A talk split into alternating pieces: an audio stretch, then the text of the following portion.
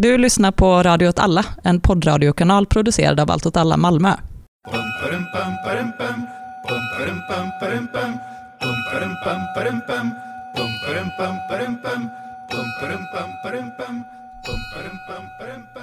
Hej och välkomna till Eld och rörelses troligtvis tredje avsnitt.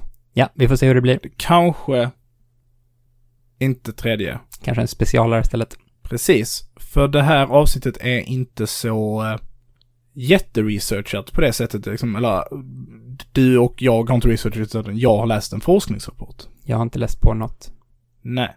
Så vi testar det. Det kommer nog inte bli så långt det här heller. Vi, vi får se var det landar någonstans. Hur mycket detaljer vi kommer fastna i. Ja, vi bara kör. Ja. Jag har inte fått någon feedback. Det här spelas in dagen andra avsnittet släpps. Eller dagen innan andra avsnittet släpps.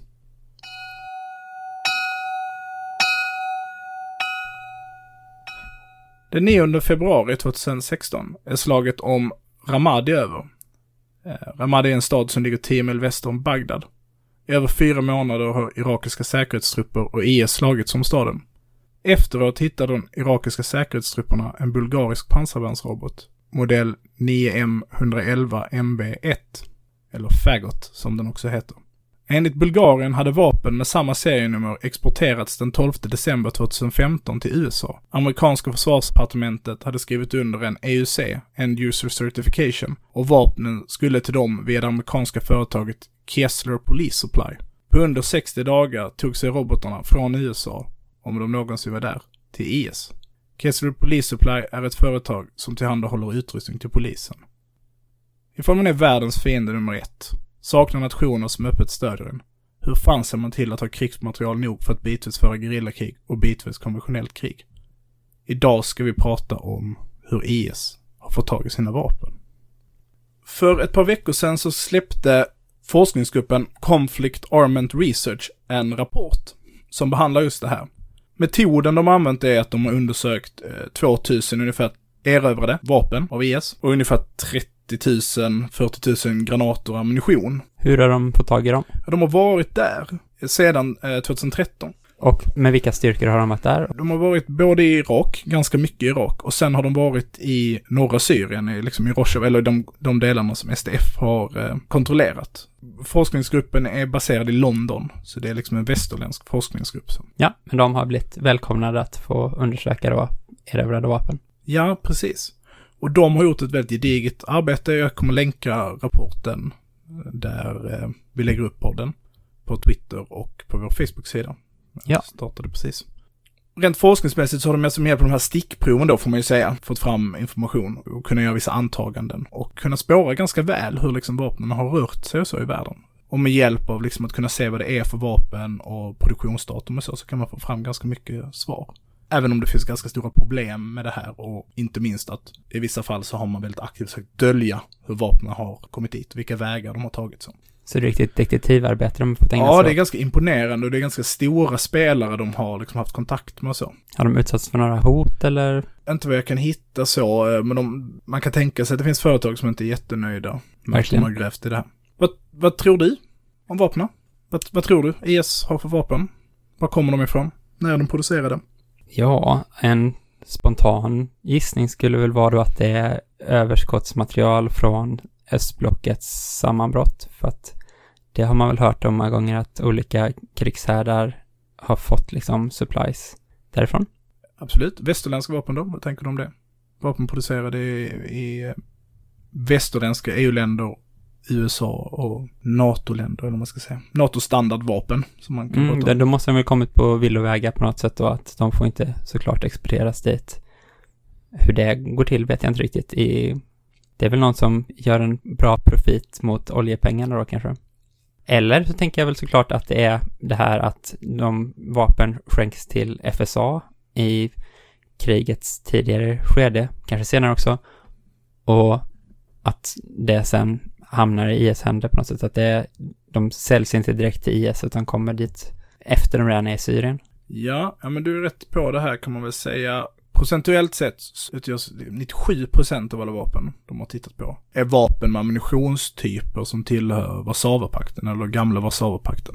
Så alltså Sovjetunionen, det, det är det vi kallar östblocket helt enkelt. Rumänien, Bulgarien, eh, Jugos, från Jugoslavien. Så. Men då är det kanske mest eh, handeldvapen och så då? Ja, vapnen de har tittat på är ju vapen som har ammunitionen 76239, 76255R, som är alltså en grövre kulsprutammunition, och 40 mm raketer. Och det är ju raketerna till raketgeväret RPG-7 då, det här klassiska. Men det rör sig om andra vapen också, ska man väl säga. Men en väldigt stor del är dessa. NATO-vapen då, kalibrar som är kopplade till NATO. De här 3 procenten då? Det är 3 procent. Sen är inte alla de NATO-länder utan vapen som är NATO-standard då, alltså framförallt 55645 då som är... Okej, okay. vilka länder är det som har dem då som inte är med i NATO men som, är det alla västländer på något sätt? Ja, vilka länder som inte är med i NATO som har en vapenproduktion och som inte tillhör det forna liksom östblocket så, det, det, ja det är svårt men det finns det ju. Schweiz? Nej men äh, Argentina till exempel har jag svårt att tänka mig med i NATO. Nej. Och de har säkerligen en inhemsk vapenproduktion, framförallt en inhemsk ammunitionsproduktion och sen licenstillverkar de nu gissar jag att de har någon M4-variant. Första siffran i en, en ammunitionstyp. Vi kan ta då 762 39 för det är den vi pratar om. 762 står för, ja vad står det för? Millimeter i kulans dimension kanske? Ja, det är väl diameter. Och medan andra står för längden på hylsan.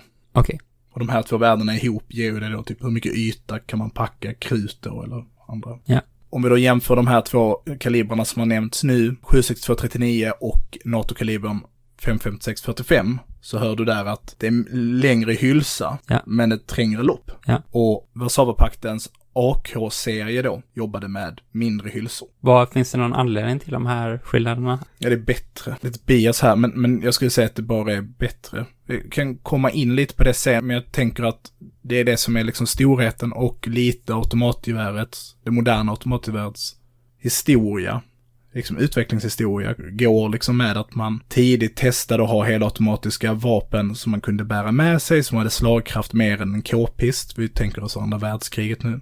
Och de tidiga försöken, amerikanska Baron till exempel, så hade hellängdshylsor, eller liksom inte undertrycksel, alltså lågtryckskulor. Och det är väldigt svårt att hålla tillbaka den rekylen, det är så mycket liksom, tryck. Och den, den genomslagskraften och den hjulen då, anslagskraften som det ger plus, eller man ska säga, är liksom inte värt det. Och mm. även liksom precisionen och så. Och det första automatgeväret, vad heter det? Det, det är liksom det man kan säga är liksom urfadern till moderna automatgevär. Ingen aning. AK47 pratade du om förra avsnittet, men det kan inte vara det. Nej, utan, och det här är så, det här är en känslig fråga, men tyskarna uppfinner ju ett gevär som heter eh, Stormgevär 44. Okej. Okay. Jag hade ingen aning. Det har ju en helt egen historia som är ganska rolig. Eh, har jag inte den framför mig här nu så eh, säker mig för att kanske säga fel liksom. Men man upplever att man helt enkelt har, för, tyska soldater på östfronten har för lite eldkraft. Man har väldigt svårt. Man, man har sin kulspruta, den är väldigt omtyckt och bra, men man har för lite mobil eldkraft. Och Sovjetunionen, som vi vet, jobbar väldigt mycket med hög mobilitet när de strider. Så de begär helt enkelt vi behöver mer kulsprutor. Hitler säger nej. Hitler säger nej. Hitler säger vi behöver inte fler kulsprutor. Men de lägger ändå fram det här stormgeväret, det blir avvisat. Så då liksom repackagear de hela grejen. Och jag så här, ja, fast det heter inget stormgevär, utan det är en maskinpistol, liksom en k-pist istället. Och Hitler gillar k-pistar av någon anledning. Så att det är... Det är coolt. Det är coolt. Så den heter väl egentligen MP44 också tror jag. Så att, okay. Som maskinpistoler då. Men det är det inte, utan det är en kulspruta. En lätt, äh, det är inte ens en kulspruta, det är det första automatgeväret. Och ser du på en bild hur den ser ut så är det väldigt tydligt att det, den är väldigt lik Kalashnikov. Okay, den stora ja. grejen med stormgeväret är att den har en kortad Mauser-kula. Så den är en 762 då, med en kortare hylsa. Och den idén i sin tur har tyskarna tagit från Sovjetunionen i SKS, deras semiautomatiska gevär. Får vi med det, lite härligt. Har en undertryckskula, har en, en, en kortad hylsa på sin kula. Så, och sen så har man liksom bitar av PPSH, den sovjetiska k-pisten, när man sen gör Kalashnikoven eller AK47, den första. Så sätter man liksom ihop stormgeväret å sin sida, teknologiska, när Kalashnikov gör det då, vapendesigner gör det, så sätter han liksom ihop olika idéer. Idéer liksom, eller designmässiga saker. Och sen så blir det då AK47. Och det kan man väl säga, av de här 97% Warszawa ammunitionstyper som kommer från tillhör gamla Warszawapakten så är ju, så rör det sig om AK-varianter. Lite AK47 framför allt det man säger alltså AKM som är, ja. jag har säkert pratat om tidigare. Ja. Alltså automatkarbin moderniserad. Och den stora moderniseringen, den stora grejen med, med AKM är att man, första AK47, den är svarvad. Alltså där är slutstycket hela, liksom den maskinella delen av vapnet är svarvat. Det tar lite tid att göra då. Ja, och det, det, det ja precis. Det, det, tar tid att göra och det tar ganska mycket plats. Det, det är ganska mycket metall som används. Det går långsamt att göra, man behöver ha rätt, så alltså det är inte handsvarvat på det sättet, men, men det kräver liksom ändå hantverkare. Och den stora grejen i moderniseringen är att man använder pressad plåt istället.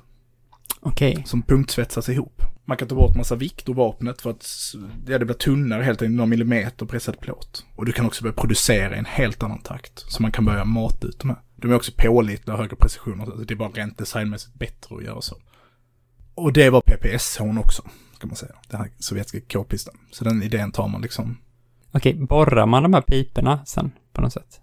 När man har pressat ihop dem? Ja, piporna är inte av pressad plåt. Det är bara Nej, liksom det, ja, ja. själva den mekaniska biten. AK47 och i förlängningen AKMs stora grej är ju att det är otroligt slitstarkt, lättproducerat och håller liksom. Jag tror jag kallade det låg... Du kallade det att det var en högre lägstanivå för ja, precis. Och så tror jag att man ska tänka på, på AKM. Det finns en anledning. Jag, alltså jag, jag läste någonstans för uppskattade, man vet inte hur många AKMs och AK47 som har producerat. Men man gissar på runt 100 miljoner. Så yeah. det, det, är liksom utan tvekan det mest producerade automatgeväret som existerar. Så 97% av alla vapen som de har tittat på, de här 2000 vapen, stickproven eller man ska säga, de har tittat på, har haft ammunitionstypen 762-39. NATO-kalibrarna är väldigt få. Dock har man hittat NATO-ammunition på erövrade platser, men inte vapen. Är det för att man kanske hellre skyddar de här vapnen och tar med dem när man retirerar då? Ja, man kan väl spekulera varför det kan vara så. En förklaring är ju att eh, de här vapnen är mycket mer eftertraktade. Och mest av propagandaskäl, ska vi säga. Så att om man tittar på IS-propaganda, nu rekommenderar jag inte att folk gör det generellt. Jag har tittat på en del, så är det nästan alltid amerikanska vapen eller liksom västerländska vapen, NATO-vapen, man har i propagandafilmer. För att, ja det är ju liksom en erövring, det visar ju på något sätt att man har bekämpat liksom den huvudfienden, eller vad man ska säga. Det ska också sägas att YPG också gör så ganska mycket, att det är ofta att man visar upp olika M4-varianter och så. Men det är för att det är flashigast man skryter med det på ett sätt också. Ja. De här vapnen är också värda massa pengar. Just det. Så det kan ju också vara så att de är sålda innan de kommer till den här forskargruppens ögon. Liksom. Ja, så har både att man ser till att det är det vapen man tar sig med sig och att förklaringen till varför det finns så få men man hittar ammunition är att både att de eftertraktar officerare, liksom andra högre uppsatta befäl, de drar, de är de första att fly liksom och de lämnar inte sina vapen efter sig. De är kanske inte heller på ställen där det är riktigt, det här kommer vi förlora liksom. Men kan det också vara att när de erövras så säljs de direkt liksom, på något sätt. Precis, att, att de irakiska trupperna eller de syriska trupperna som då kommer över dem, de finns inte kvar för någon forskargrupp ska titta på dem, utan de plockar man på sig. Ja. Sen ska man säga varför Warszawapaktsvapnen föredras. De föredras ju av logistiska skäl. Att, det är lätt att få ammunition till dem. Ja, och du vill ju standardisera vapentypen som dina trupper har av många skäl, både liksom reservdelar och för, för kunskapen att sköta om om. Det är också vapen som har använts i regionen under väldigt lång tid. Sen skiljer det sig lite mellan Irak och Syrien, för de har tittat på båda de här länderna. Och irakiska armén använder ju Mer amerikansk material kanske? Mer amerikanskt material eftersom att de efter 2003 då, eller efter invasionen. Du säger att de har funnits länge i de här regionerna och det betyder att folk har en allmän kännedom om hur de används då? Ja, och det finns liksom långa upplagringar av ammunition och, och vapen under liksom, kan det vara när blir Irak självständigt?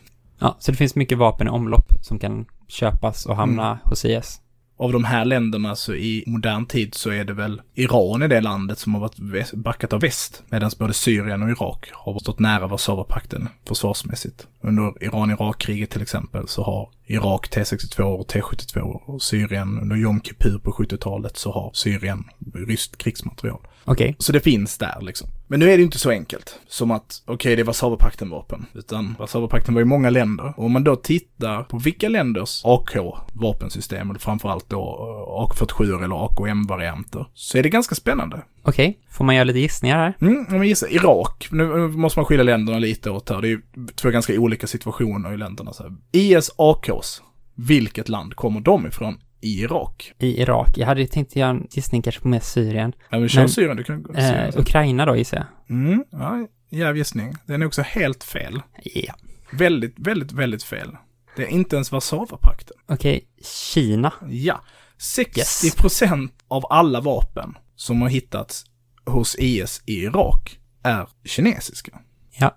Och deras AK i Kina heter vad då? Typ 59, 6. 56. Typ Ja. 56. Och det är inte en AKM strikt sett. Utan det är en egen variant av AK47.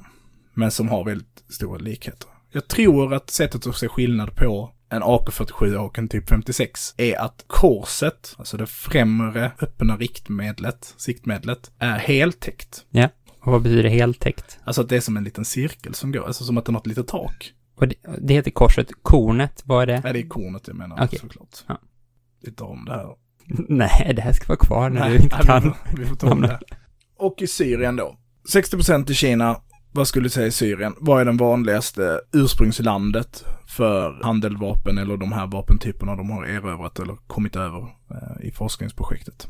Det är inte Ukraina har vi, och det är Nej, inte det Kina, så det är Ryssland då gissar jag. 25% ryskt. Så där hör man ju att okej, det är 60% i Irak och det finns en liten förklaring som är lite udda. Vi kommer till den sen varför Kina är så extremt överrepresenterade i Irak. Men även om man tar bort den här konstiga grejen så är de verkligen den stora vapenexportören. 25% i Syrien är ryskt. Och sen i fallande ordning, och det här kan man egentligen säga om båda länderna. Rumänien, Ungern, Bulgarien, Serbien. Men totalt utgör det 29 länder. Ja, det är väldigt blandat Så var det, det kommer är ifrån. en stor kompott, ja. Och endast 3% av vapnen är producerade då i Irak eller Syrien. Min tanke med Ukraina var ju bara så här, det är en konflikthärd, det är oklart vem som bestämmer, det borde vara massa liksom vapenaffärer och saker som fraktas runt. Men det finns ingen sån. Det kanske är att de vapnen stannar i landet för att de används där liksom. Jag är inte heller säker på att Ukraina hade en egen eh, AK-produktion. Nej, nej, okej. För Det är det är klart. lite skillnad där. Om vi tittar på Rumänien till exempel. De producerar en egen AKM-variant. Jag vet faktiskt inte vad den heter. Och jag tror i princip bara det är den sovjetiska AKMen. Medan Ungerns till exempel AK63F, som de har liksom en egen variant som är liksom gjord efter deras behov. Skillnaderna är ju verkligen försvinnande små. Men så har vi Bulgariens AR M1 och Serbiens M70B1 och det är liksom det är detaljer. Jag tror att den jugoslaviska till exempel inte hade en kromad pipa, vilket ger liksom högre precision men mindre tåliga pipor så. Så det är detaljer. De här vapnen då, när de är producerade, det är 38% av vapnen, de är producerade under 80-talet. Vad säger det då? Att de har varit i omlopp länge utanför staternas kontroll, liksom att de kom ur de statliga kontrollerna under östblockets kollaps liksom, eller? Ja, 80-talet följt av 70-talet och sen så sticker det liksom ut både liksom tidigare och senare ungefär ganska jämnt. Jag tänker att man kan dra två slutsatser, det gör väl forskningsrapporten också, men antingen att vapnen blev sålda under kalla kriget, eller att det som säljs idag är överskottsmaterial. Så att när Bulgarien säljer AR M1 till syriska rebellgrupper, så säljer ju inte de Sina bästa grejer, utan då tar de det som ligger och skräpar. Precis. Och jag tror också, döma av länderna, så tänker jag att det verkligen i stor utsträckning rör sig just om ekonomiska transaktioner och kanske inte stöd då. Du tänkte, var inne lite på Ukraina och där Ukraina också har liksom ett intresse om att minska ryskt inflytande kanske. Ja. Så. Men det är mer bara vad man kan sälja till antagligen. Om vi då tittar på vilka länder det är som står för vapen som producerades senare. Då kan det vara viktigt att tänka, att ta lite årtal, att i augusti 1990 så införs det ett, eh, FNs säkerhetsråd inför ett vapenembargo mot eh, Irak i samband med Kuwait då, eller Gulfkriget. Och det är, ligger kvar ganska länge. Och efter 2003, efter invasionen av Irak, gör FNs säkerhetsråd en förändring i restriktionerna där det blir tillåtet att tillhandahålla vapen och material till ja, det nya irakiska styret då. Så det är kanske det som är förklaringen för det är så lite vapen som producerade under just 90. Men Att att man- vi ser att det ökar igen på 00-talet. Kina, Bulgarien och Rumänien är de som står för den största bit av vapen som är producerade i senare. Mer än 50% av vapnen i Syrien och som är från 00-talet och senare kommer från Bulgarien. Och iranska och rumänska vapen har ungefär 15% var. Ja, varför säljs det så mycket vapen från Bulgarien då? Och vart har de sålts till ursprungligen? Ja, det är ju lite spännande. Det här jag hade i ingångsskedet då, omslaget vid Ramadi. Just det. Han rörde sig om bulgariska pansarvärnspjäs, eller förlåt, eh, pansarvärnsrobotar. Ja. Och det verkar ju vara i USA. Och det finns flera sådana här fall i den här rapporten där man har följt hur amerikanska försvarsdepartementet köper in vapen via ett företag med en end user eh, certification, alltså de lovar vi är de sista som ska använda de här vapnen. Och då var det här polismyndigheten som skulle ha dem, sa du? Ja, det var ju ett företag, Kessler Police Supplies, som tillhandahåller vapen till. Ja, de behöver inga jävla raketer. Nej, de behöver nog inte så mycket pansarvärnsrobotar. Så så verkar det gå till. Och det finns väl ett fall där man har eh, kunnat följa ett flygplan som ska flyga från, de, de ska flyga från Serbien och landa någonstans i Saudiarabien, men har inte registrerat och mellanlanda i Jordanien och de bär massa vapen som ska till Saudiarabien, som Saudiarabien har köpt in. Och sen dyker de helt plötsligt upp i Syrien istället. Och den här mellanlandningen i Jordanien är inte registrerad.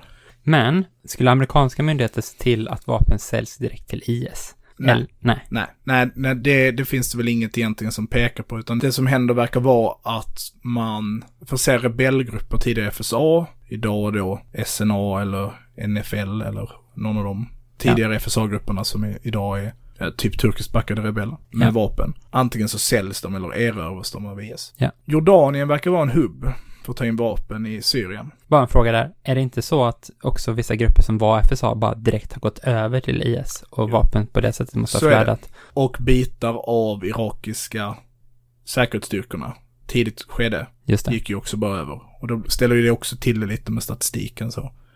Varför har de amerikanska vapen? För de hade de vapnen Ja. när, de, när de blev IS. Ja, precis. Men tar man slaget vid Mosul till exempel, när Mosul faller, så är det ju ett avsnitt för sig, men då tror jag att det är 1500 IS-rebeller som slåss mot 60 000 irakiska säkerhetstrupper. Och Vinner. vinner, ja. Men Kina då? De är bara skrupelfria och vill sälja grejer? Nej? Ja, alltså en bit är att Kina förhåller sig rätt neutral till konflikten. Och kanske har mycket vapen på vift liksom. Och det är konflikt ganska långt borta. Samtidigt så kanske de är intresserade geopolitiskt av ett destabiliserat Irak eftersom att USA hade väldigt starkt direkt inflytande av det. Och i någon förlängning, och det pratade vi om i vårt tidigare avsnitt, så, så har ju Kina absolut en historia av att stödja proxys som underminerar ryskt inflytande. Just det. Men det finns en riktigt konstig grej i det här, som är en sån bra sidohistoria. Ja, kör. Vi pratar om Mosul. När, när Mosul blev befriat sen 2016 av irakiska säkerhetstrupper. Popular Mobilization Units och det vi pratar om spelar en central roll i första avsnittet pratade vi om dem. Nej, iransk backade milisen. Ja, precis. Shia-milisen som nu är en del av armén.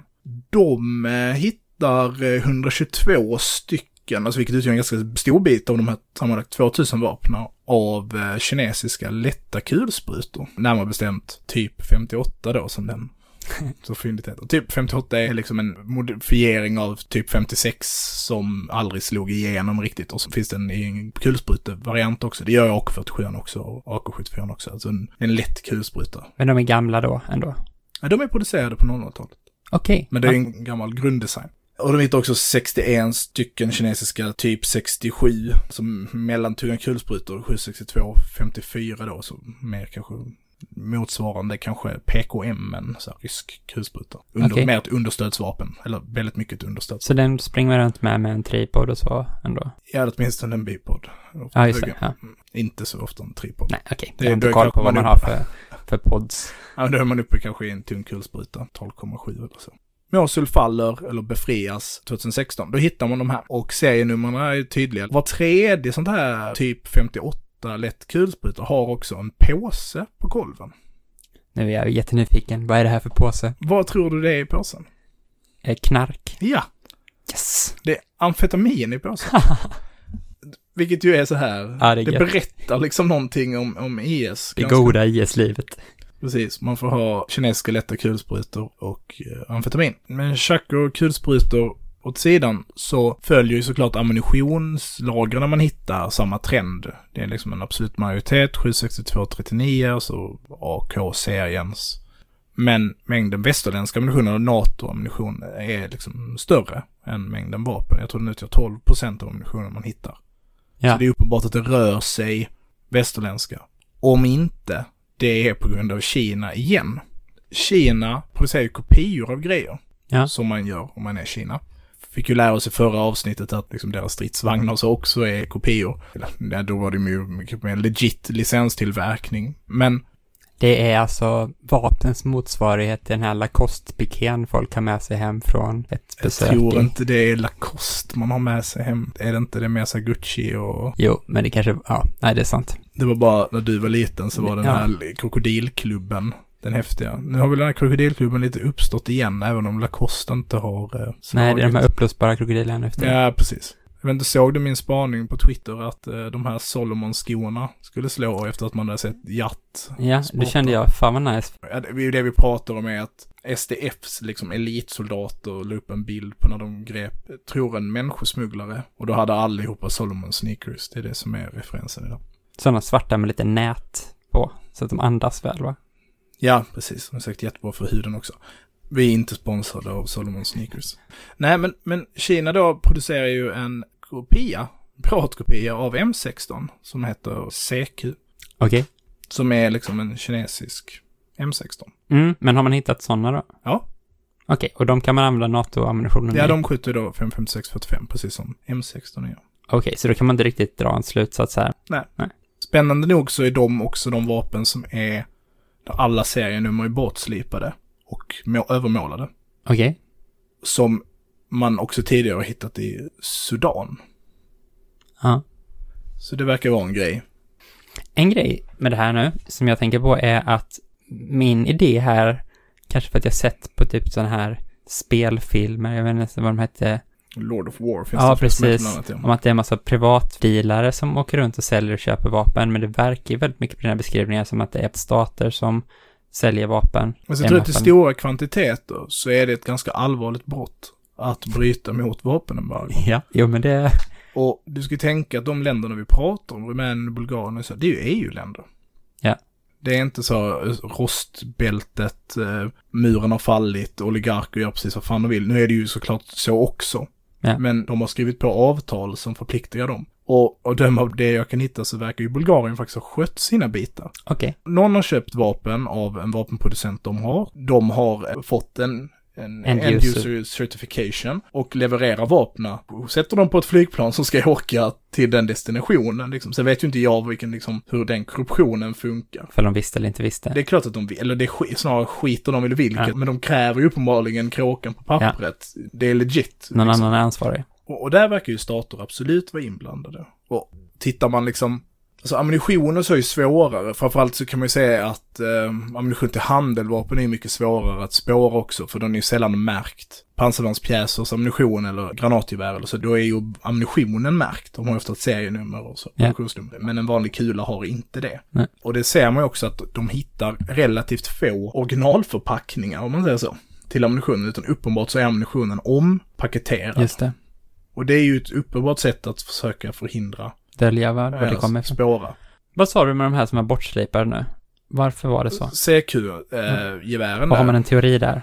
Vad det handlar om? Nej, ja, det är bara så uppenbart så säljer någon kinesiska M16-kopior. Och Ja, dölja det. till Sudan och till eh, ES eller FSA. Sen är det ju väldigt mycket av de här vapnen man hittar är eh, raketer då till eh, RPG-7. Och där ser vi igen att det är så bulgariska och rumänska produktioner av det. Och RPG-7 då, om man ska säga någonting om den, är det väl den, kanske det mest klassiska raketgeväret.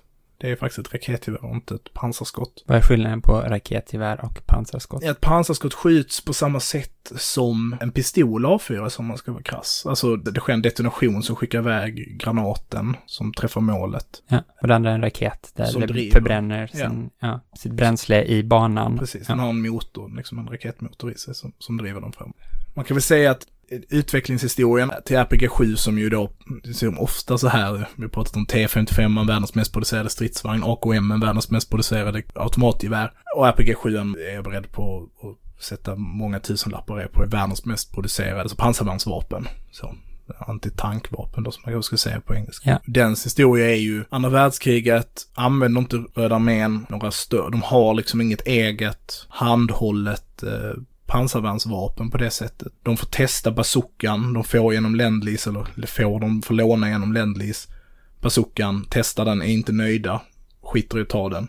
Okej. Har eh, väldigt grovkalibriga gevär. Man använder, och de är ju väldigt ineffektiva mot den tunga Pansar, pansar ja. som kommer. Så man använder med sina stridsvagnar och kanoner genom hela kriget och bekämpar stridsvagnar på det Okej. sättet. Efter kriget däremot så börjar man utveckla, först utvecklar man en, någonting som heter RPG-1, som eh, inte blir någon höjdare. Det är även den som den produceras i någon större skala. Sen kommer RPG-2, den pratade vi lite tidigare avsnittet om, spelar en väldigt viktig roll i Vietnam. Där namnet B40 tror jag den heter det. Som är liksom försteget till RPG-7. Den är väldigt snarlik, lite mindre. Och sen kommer RPG-7. Och eh, den är ju fortfarande aktiv och används idag av arméer och så. Och den är 40 mm då kan man ju tänka att själva stridsspetsen, om man ska säga, är inte 40 mm utan själva röret i vapnet. Så den är ju liksom mynningsladdad. Man sätter ju ner Ja. raketen i framsidan. Så den staven som går in med liksom motorn eller raketbränslet är 40 mm. Skjuter de igenom pansar på alla liksom moderna va- Nej. Nej. Men den eh, modern RPG 7V tror jag den heter, jag är inte säker men nu får jag gissa lite här. Har säkert någon tandem-variant som kan ta sig igenom de flesta stridsvagnar. Men de, de stridsvagnar som används tandemvariant? För att Ja. först slår det igenom och sen så där inne så skjuts det ut. Och... Nej, utan de här pansarvärnsvapnen använder en, någonting som heter heat. Som Ja. sätta och slå igenom, som är i princip en riktad explosion. De träffar så att hast, det finns ingen kinetisk energi som över det, utan Nej. de träffar och detonerar och bränner som en svettstråle genom pansaret och, och, och det finns massa motmedel mot det. Bland annat att du sätter då det man kallar reaktivt pansar, att du sätter sprängämnen utanpå stridsvagnen som detonerar och på så sätt förstör Den ingående raketen så Ja. att den inte kommer in genom. Eller svetslågan antänder sprängämnena ute på stridsvagnen och bara spränger den Just bort det. det. Mm.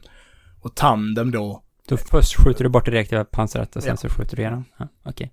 Vad kostar ett, ett RPG-7? Man tänker att en AK är inte särskilt dyr. nej, Idlib så verkar du kunna köpa en AK för liksom 100 dollar. Det verkar Ja. inte något. Jag, jag kan faktiskt inte svara på det, jag vet inte. Men jag, produktionskostnaden lär ju nog vara väldigt låg. Det är en väldigt simpel eh, konstruktion. Sen i moderna varianter har du ju optik och så på dem och det kostar ofta lite pengar. De här raketerna produceras ju väldigt brett och det finns liksom, Iran har en inhemsk produktion och det verkar IS ha fått över och det har ju knappast de fått av Iran. Alltså det måste ju vara erövrade vapen. Iran och IS är ju verkligen inte Kompisar. Nej, det kan man väl säga. Så det är ju tydligt att IS har kommit över mycket. I den tidiga fasen i kriget så erövrar de ju jättestora områden och kommer säkert över väldigt stora vapenmängder. Libyen verkar också vara ett spår. Bland annat så dyker ett västerländskt vapen upp där eh, som den belgiska då FN-fall. Jag nämnde den tidigare att Argentina har den. Alltså pratar vi nu IS i Libyen alltså? Nej, utan IS i Syrien och Irak har FN-fall som uppenbart har blivit sålda till Libyen. Så Okej. där sker det ju också en vapenförflyttning då. Och FN-fallen är också 762, men är med större. De har inte de här undertrycks utan NATO 762. Pakistan har också haft FN-fall. Och det verkar också vara pakistanska FN-fall i Syrien. Så det är verkligen liksom ett hopplock. Det är liksom halva världen skickar vapen till, dyker upp i, i eh, Syrien. Ett annat vapen ganska ofta kommer över eh, ammunition till då framför allt 73 mm eh, raketer då. Även om det, det inte är ett, eh, ett raketgevär som skjuter dem. Utan det är då Skjuts de från en ramp då eller? vad? Nej, nej, utan de skjuts från ett vapen som heter SPG-9. Som är vad man säger alltså en pansarvärnspjäs eller ett rekylfritt gevär. Recoilless rifle pratar man på engelska. Okej, sitter de under till på geväret? Nej, nej, nej, nej. Det är ett gevär det för att skjuta. Nej, det är en kanon. Ja. Så. Det, jag tror att det är den närmsta, eh, om du skulle se en bild på det så skulle du säga att det där är en kanon, den har hjul. Ja, okej. Men den är 73 mm så det, det är ju ingen stor Nej. pjäs liksom. Den tekniken man har använt för att göra pansarvärnsvapen, alltså pansarskott och eh, granatgevär, de är liksom bara en förlängning av det, en större variant av det. Så de är ju så bakladdade och så för man in och så Okej, skjuts raketen iväg som ett gevär, alltså det är en, sker en explosion så skickar iväg den. Och sen vissa har en egen motor som driver på dem längre fram, oftast inte, men det ser ut som raketer det de skjuter. Ja. Svenska Carl Gustaf, en av de mest lyckade exportprodukter Ja. eh, vårt granatgevär, är ett recoilless rifle då. Jag vet att Libyen har dem. Okej. Sålde till. Libyen. Eh, Så IS i Libyen Har fått tag i dem? har Ja. fått tag i dem. ja. Och här ser man att det dyker upp eh, 73 mm eh, granater då, eller raketer till SPG-9 från liksom Bulgarien och Rumänien. Och, och SPG-9, om den så kan man väl säga att den är väl säkerligen världens mest spridda rekylfria gevär. Precis som med allting annat i det här. Du pratade lite om genomslagskraften på de här vapnen så kan man väl säga att stridsvagnar blir skjutna i sidorna, blir penetrerade av de här vapnen fast de är väldigt, väldigt, väldigt gamla. Ja, för de har så dålig plåt i sidan.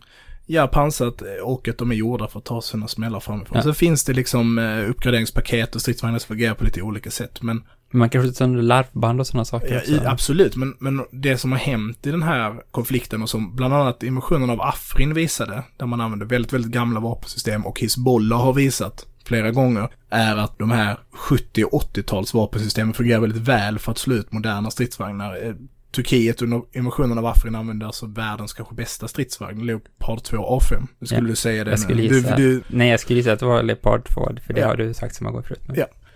med konkurs eller Faggot då, samma pansarvärnsrobot som jag pratade tidigare som är alltså väldigt gammal, skjut- slut på 70-talet, eh, sköt ut den typen av stridsvagnar. Men inte i rätta träffar framifrån då på något sätt, utan något konstigt. Nej, nej precis, utan de ut. För, för att de här vapnen, de här som eh, lanserades, de här pansarvärnsrobotarna eller ATGMs, Anti-Tank Guided Missiles, eller ATGVs, Anti-Tank Guided Weapon. Jag pratade om i början om att Bulgarien hade sålt de här 9M111. Kan man väl säga den nya AK47 ur ett rebellperspektiv. Alltså spridningen av den typen av vapensystem har liksom förändrat lite Ja, slagfältet. spännande, ja. ja, alltså Sverige var ganska tidigt att producera en egen. Vi hade en som heter Bantam, Robot 56 kanske det hette. Bantam som jag läste någonstans skulle stå för Bofors Anti-Tank Missile. Bamba, som då är när man serverar mat i en... Nej, Bantam är väl någon typ av dvärghöna? Inte en Bantam Jaha, det? jo just det. Jo, Så det råkade också bli dvärghöna. Det är ju ofta så med svenska som Bamse som är så. Nej, det är inte alls seriefiguren Bamse utan Okej, det är inte alls relaterat, vad roligt. Bofors. Ja, alltså det finns någon sån, han liksom klämmer in en för bra förkortning liksom. Mm, mm. Det är ändå medvetet. De visste att Bamse också var en seriefigur Ja. när de valde namnet. Den ursprungliga vapnet är eh, AT3, kallar NATO den. AT3 Sagger. Jag försöker undvika de där NATO-designationerna på eh, Warszawapakten-vapen, men Maljakai, tror jag, som betyder den lille, är den första liksom stort spridda pansarvärnsroboten och användes i Vietnam första gången. Okej. Eh, och eh, presterade väldigt bra. De här pansarvärnsrobotarna har två olika styrningssystem och det första styrningssystemet, för det, de är ju guided då, man kan liksom styra dem. Ja. De första, båda, ja, nu finns det ju modernare varianter som inte gör på något av de här sätten, men de stora spridda har helt enkelt en sladd i roboten. Ja. Och de första varianterna så hade du en joystick. Och sen sköt du iväg den här roboten, sen fick du följa då spårljuset på roboten och sen fick du styra den med joysticken. Det här ser man väl ofta i videos när tanks skjuter ut att de skjuter och så står alla och hejar på den som Ja, styr typ. de har ju den modernare varianten då. Jag, jag har nog inte sett någon. Den Sladd? lille. Jo, nej. men sladdarna finns kvar. Fast senare så uppfinner man ett sätt där den följer vad du siktar på. Just det. För att det visade sig att den här joysticken var otroligt svårt att träffa med och att det krävde framförallt extremt mycket utbildning av personalen. Den behövde utbildas väldigt löpande för att du skulle... Alla som har försökt att spela dataspel med joystick vet. Och den, den vapensystemet har sina nackdelar. De är ganska långsamma robotarna. De tidigare rörde sig, vad var det? Ja, Det kunde ta 30 sekunder att de kunde gå upp i, liksom, nå sin max räckvidd. Men räckvidden är å andra sidan väldigt lång. På Okej, ja. 3-4 kilometer och så. Så att, alltså det är någon typ av demokratisering i det här då. Men att infanteristen kunde ges ett vapen som kunde slå ut stridsvagnar på väldigt långa avstånd. De använde sig i Vietnam och slår ut eh, amerikanska M48 Patterns då som sydvietnamesiska armén, eh, arven, har fått av USA och med eh, rätt stor framgång. Sen används de i Jom Kippur-kriget på 70-talet och det är väl då de visas upp liksom för eh, västländerna på något sätt. Och då är det alltså Israel och Syrien som strider. Israel själva säger väl att de inte är jätteimponerade av Sagern då, eller den lille. För att det verkar vara i princip helt jävla omöjligt att träffa någonting med den. Ja. Men eh, man fortsätter att utveckla de här. Och nu har ju alla länder eh, den franska Milan-roboten. Eh, och, och vi har roboten Bill, en svensk variant. Och Tau heter den amerikanska. Och, och det finns många mo- moderna. Och, och, men i Syrien så tycker jag ofta att när man ser filmer så, så är det Faggot eller Konkurs då. Och de är tillhör liksom samma generation. De utvecklades parallellt där. Faggot är den mindre och, Konkurs är den större. Ska jag kommentera namnet Faggot? Gör det, för det har jag läst om sen vi har pratat om det här sist. Ja, Och då är det ju att en fagott då kommer från, alltså instrumentet också, kommer från namnet en knippe pinnar. Ja. Och, och de här knippe pinnarna används för att starta en brasa. Ja. Som en eldpinne. Och anledningen till att det är en förolämpning av homosexuella sägs då vara för att när man brände häxor så kastade man först faggots på elden. Så man kastade på lite bögar också när man skulle elda häxor liksom. Så det, det är här- jävla grovt. Det har jag läst är helt eh, felaktigt. Det är felaktigt, det, är, en inte där. Det, Ja. jag, jag tror att jag har fått det från Jag tror att det är... Louis CK tror jag Ja. har en sketch där han tar upp det här. Vad är förklaringen? Nej, nej, jag bara läste att just det med att faggot betyder eldstartare för häxbränning var myt. När jag läste någon som kritiserade Calibans häxa, den Mm. boken, att de gjorde en genomgång av den boken och påpekade olika dåliga research, eller då, dålig källanvändning i den boken. Okej. Och då så sa de till exempel, det här är ju en känd myt, och så hänvisade de till någon Ja, ja, så forskning det, om det, så ja. liksom att det inte... var, Så därför så visste jag det. Du visste det? Ja, okej. Jag kan, vi kan släppa en länk till den här krit, Mm. kritiken av Caliban Switch också. Så vapnet är helt enkelt döpt då efter eldpinne. Det är ju mer logiskt Ja. än en homosexuell man. Ja, det kan ju också vara döpt efter den här myten i sig. Det, bara för att myten är falsk så kan Nej vara en men alltså döpning. en faggot är ju en knippe pinnar. Ja, ja, jo. Så det var ett konstigt, Ja, du, det är konstigt ifall det är liksom en homofob grund i det här. ja, och det är också konstigt att döpa sitt, det är klart en robot, det finns ju något fallos i det liksom. ja, ja, verkligen. Konkurs å andra sidan är ett väldigt bra, namn. För att det är det som händer med de som blir träffade. Ja men liksom det, det finns ju någonting i det. det konkurs är då en större varianten med, med högre genomslagskraft och så. Tanks är mycket dyrare än de här vapnen som mycket, skjuter ut dem. Mycket, mycket, mycket dyrare. liksom- Det krävs ju, oftast två personer för att operera en, en ATGM då, eller en pansarvärnsrobot, medan det krävs ju en hel besättning för stridsvagnar. Men det blir väl ofta att man missar antar jag också. Vi ser bara videos när folk träffar sina mål, men ganska ofta så missar man och sen så blir man ihjälskjuten av de man försöker skjuta på eller? Ja, alltså, ja. Jag tror att pansarvärnsrobotar gör ju sig väldigt bra som ett överfallsvapen. Ja. Och jag kan tänka mig att de fungerar väldigt väl i ett konventionellt krig om du kan skicka en väldigt stor massa. Alltså att du kan, du väntar in din fiende och sen så liksom inom en kilometer eller, Mm. eller 500 meter så bränner du av liksom en, en massa för att stoppa från dolda positioner. För att i och med att de kräver, de är inte fire and forget, alltså de, de kräver att du håller siktet och så. Så att i Vietnam till exempel så var det sättet man bekämpade och sen i Israel också när de mötte eh, AT-3 eller Sagger eller den lille, var att så fort man såg att man blev beskjuten och sånt, för du ser ju den, Ja. liksom. Så bara sköt man med alla vapen man hade ungefär Rakt fram, i riktning, ja. för det räckte att den Ja. skakade till på joystickhanden och då. Just det. Och sen finns det ju mer moderna varianter då, där du liksom lasermålar målet, avfyrar vapnet och du behöver inte tänka mer. Liksom. Ja, ehm, det finns ju en del till i den här rapporten att prata om. Jag tänker att vi har tagit de stora grejerna och framförallt fått liksom nörda in oss lite på de här vapensystemen och så. Även kinesiska eh, pansarvärnsrobotar har hittats. De har bra namn. Jag tror att det är den här HJ8 som heter eh, Red Arrow. Fast på kinesiska Ja. då. På något av de kinesiska språken. Mandarin kan man Mandarin. sig. Vi säger mandarin. Och den såg man tydligt att FSA hade haft. Det finns liksom i filmer, för de här texterna på de här robotsystemen är ganska stora. Så att på filmer så ser man att de använder serienummer på robotar. Och sen så beslagtar man beslagtar. Stopp IS. Man, man erövrar, man, man, man kommer över eh, IS-robotar. Och då ser man att de är väldigt snarlika serienummer. Så de uppenbarligen kommer från samma leverans Ja. exakt hur det har gått till. Både det här du pratade om att man liksom eh, splittras och lämnar och så, omvandlar sig liksom. Men också att det kanske är handel emellan grupperna. Ja. Ja. De vill ändå ha en Guds stat på jorden båda två, så varför ska det vara knussligt om att handla lite?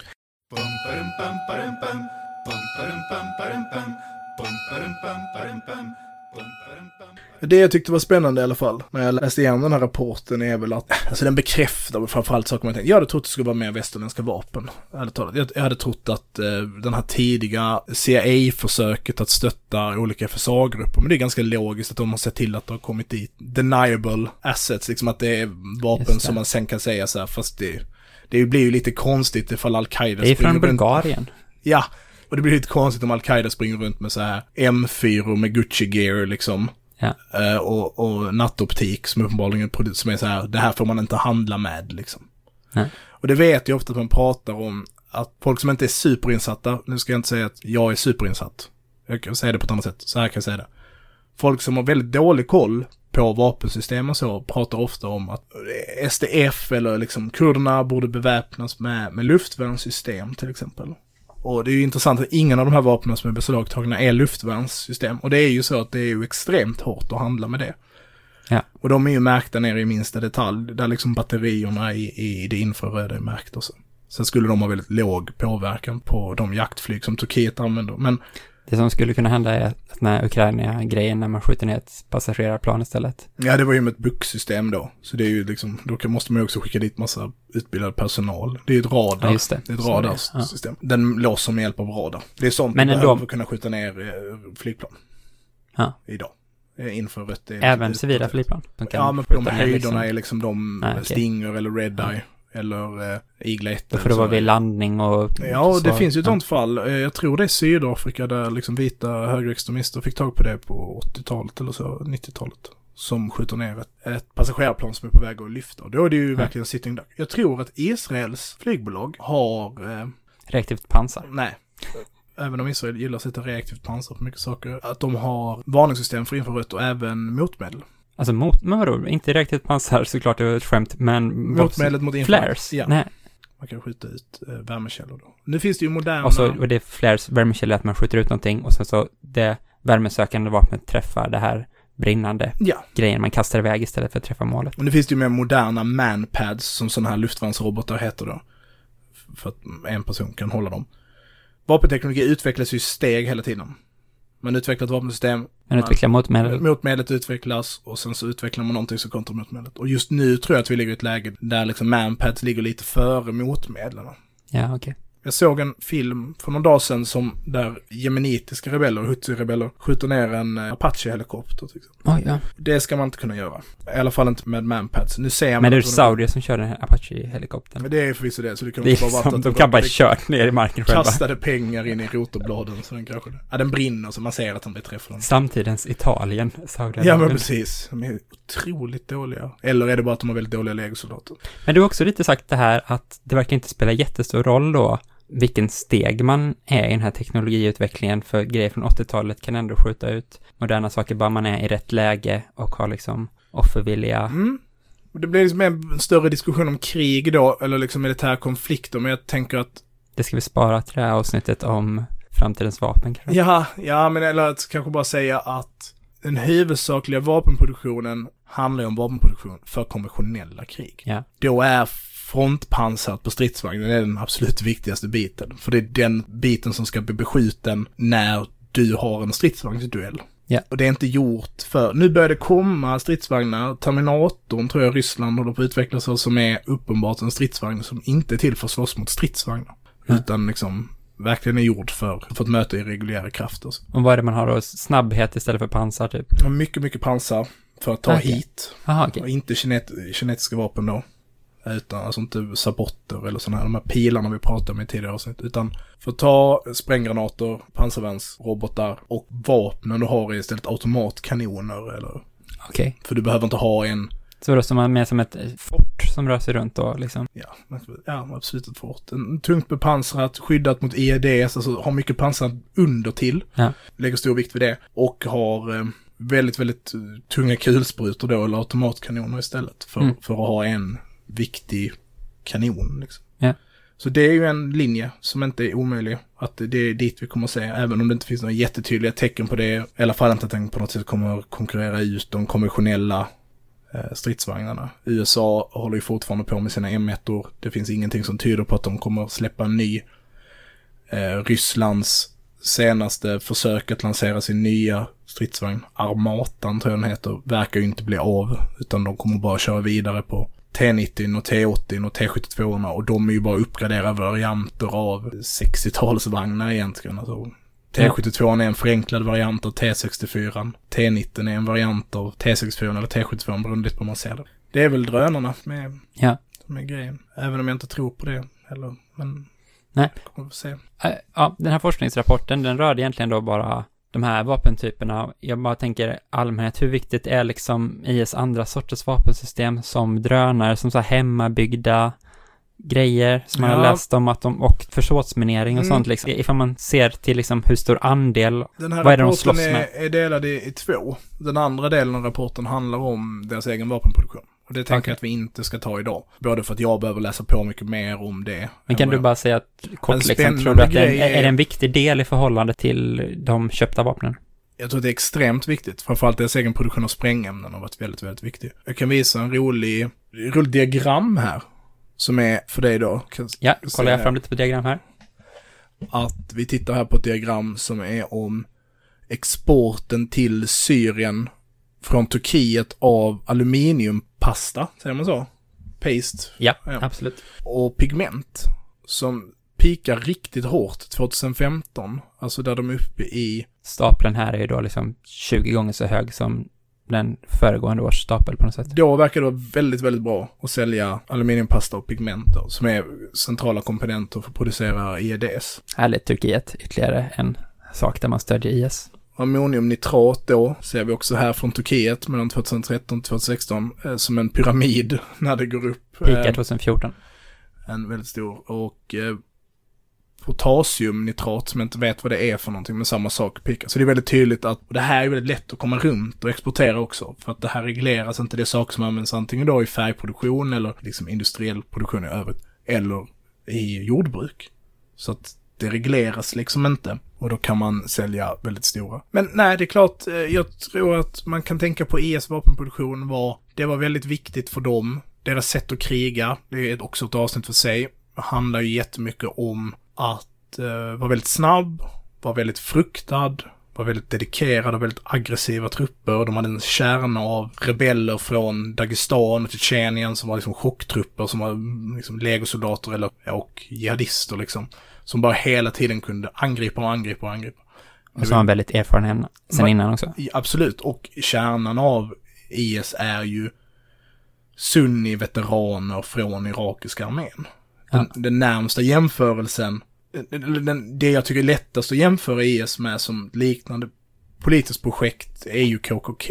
Eh, Jaha, hur tänker du då? Att de... Sunni-minoriteten i Irak hade makten under väldigt, väldigt lång tid.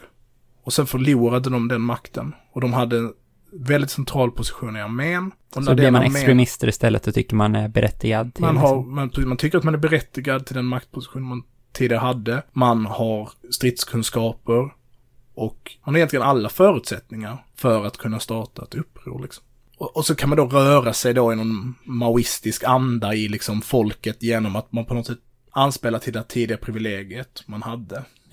Som man stöds av den gruppen liksom. Ja. Men, men jag är ingen expert. Men, men så, så förstår, förstår jag IS snarare. Och det gick jättebra för IS ända tills de mötte på en motståndare som inte var, liksom, var, var, var rädd för dem på det sättet. Och i Syrien så är ju inte IS problemet. För syriska armén är ju inte Nej. IS huvudproblemet, utan det är ju att väldigt stor del av deras armé deserterade, fick västerländskt stöd och att Assad var jävligt hatad av stora Ja. grupper i samhället. Och det var vi lite inne på i första avsnittet om alla vitornas position och så. Och, och jag vill väl inte ta någon sida i det. Man kan väl säga att en lärdom, som väl är lite falsk lärdom att dra för att det är ofrånkomligt att hamna i den situationen ifall man är ett väldigt framgångsrikt väpnat uppror. Men IS fall blev ju när de började försöka föra konventionellt krig. Ja, just det. Så det finns ju många sådana exempel i historien. Finns det en frontlinje kan du bli bombad liksom. Men utan det så kan man inte heller hålla några städer och någonting. Nej, så då kan du inte man... bilda en stat och då Nej. kan du inte ha. Utan då får du ju liksom bara röra dig i, i folket liksom på något sätt. De här prolonged people's war, maoistiska teorierna, brukar ofta stanna på landsbygden. Ja. Ja, precis. Nej, men jag tänker att vi är, är, är klara Det blev inte så kort avsnitt ändå kanske, men Nej, det Det- kanske det inte blir. Vi får väl se hur det är när vi har klippt lite. snackigt och, och oklippt istället blir Ja, det. Vi får Härligt. se om ni, om ni uppskattar det. Men eh, tack så jättemycket för att ni har lyssnat och tack för att du ville prata med mig om det här. Ja, tack själv. Tack för att du har läst på. Tack. Hej då! Hej då!